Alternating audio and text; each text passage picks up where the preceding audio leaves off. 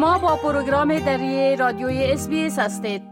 شنونده عزیز حال همکار ما سام انوری درباره موضوعات مهمی که این هفته در وبسایت ما به نشر رسیده معلومات میتن. در صفحه اینترنتی اس به زبان دری به آدرس sbs.com.au دری.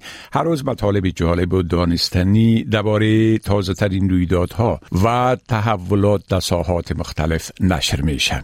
آقای انوری سلام عرض می کنم خب اولتر از همه اگر بگوین که به صورت عمومی چی موضوعات مهم در این هفته رخ داد که در وبسایت ما هم انعکاس یافته با سلام به شما و شنوندگان عزیز. خب این هفته را با تجلیل از سال نو قمری یا سال نو چینایی آغاز کردیم.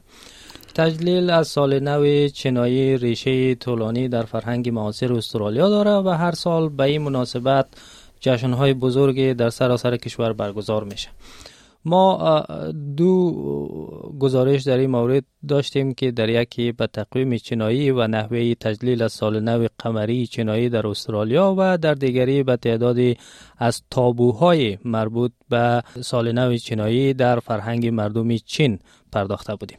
همچنین روز ملی استرالیا یا همان 26 جنوری در این هفته واقع شده بود و چنان که می‌دانید این روز در سالهای اخیر به طور فضاینده جنجالی و بحث برانگیز بوده که ما دلایل اون را در یک گزارش مفصل شرح دادیم.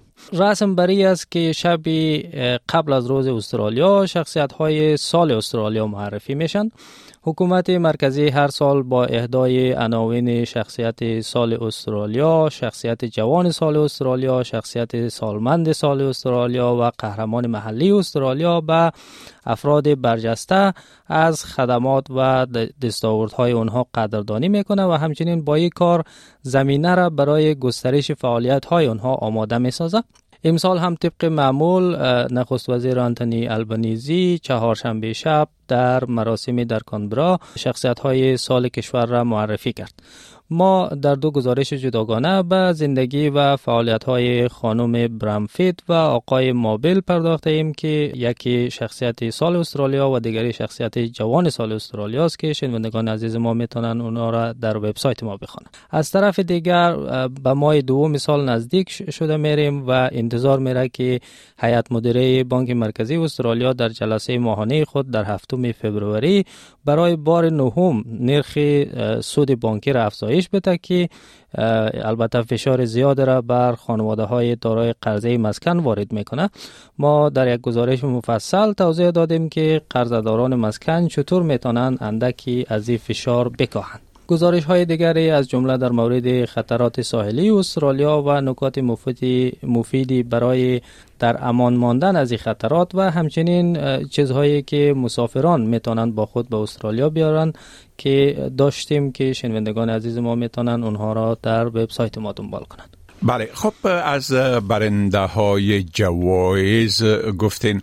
اگر لطفا در این باره یک مقدار توضیحات بتین بله همونطور که اشاره شد تارین برامفیت شخصیت سال 2023 استرالیا نویسنده کارگردان و فعال اهل شهر ادلاید است که به خاطر تلاشهایش در زمینه مبارزه با نفرت شخص نسبت به بدن خودش برنده این جایزه شده است.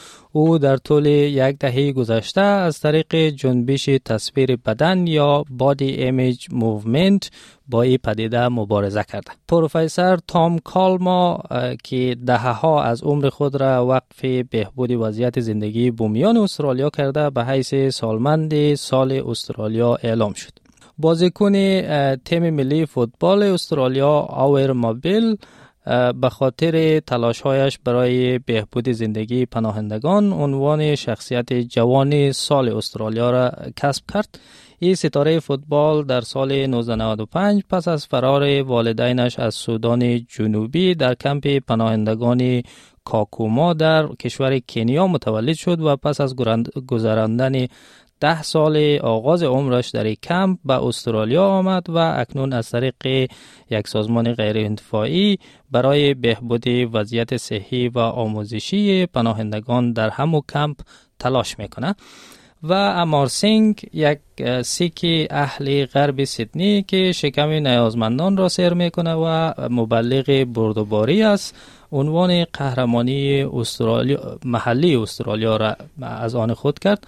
آقای سینگ مؤسس سازمان خیریه دستار برای استرالیا یا تربنز فور استرالیا از که این سازمان خیریه اکنون بیش از 300 داوطلب داره و هر هفته حدود 450 بسته غذایی را به نیازمندان در غرب سیدنی توزیع می‌کنه بله خب درباره نرخ سود گفتین که احتمال داره ماه آینده باز هم بانک مرکزی او را بلند ببره چون نرخ تورم بسیار بلند است. اگر لطفا درباره این مطلب یک مقدار معلومات بتین بله همانطوری که به اشاره شد انتظار میره که بانک مرکزی در جلسه ای که در هفتم فوریه دایر خواهد شد نرخ سود را برای بار نهم از ماه می سال گذشته تا به حال بالا ببره.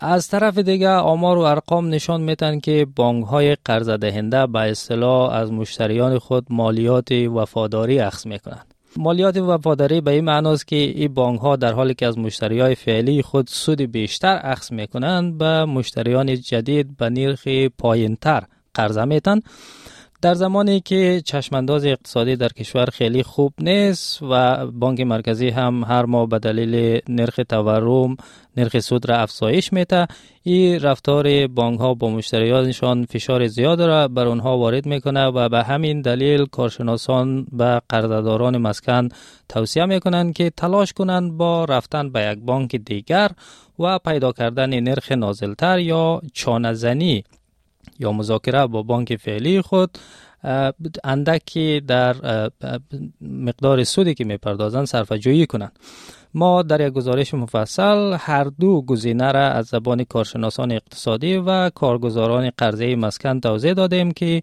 شنوندگان عزیز ما می‌تونند برای معلومات بیشتر او را در وبسایت ما دنبال کنند بله خب بسیار تشکر آقای انوری از این معلوماتتان و فعلا شما را به خدا می سپارم. روزتان خوش. تشکر از شما. خدا نگهدار. بپسندید شریک سازید و نظر دهید. اسپیس دری را در فیسبوک تعقیب کنید.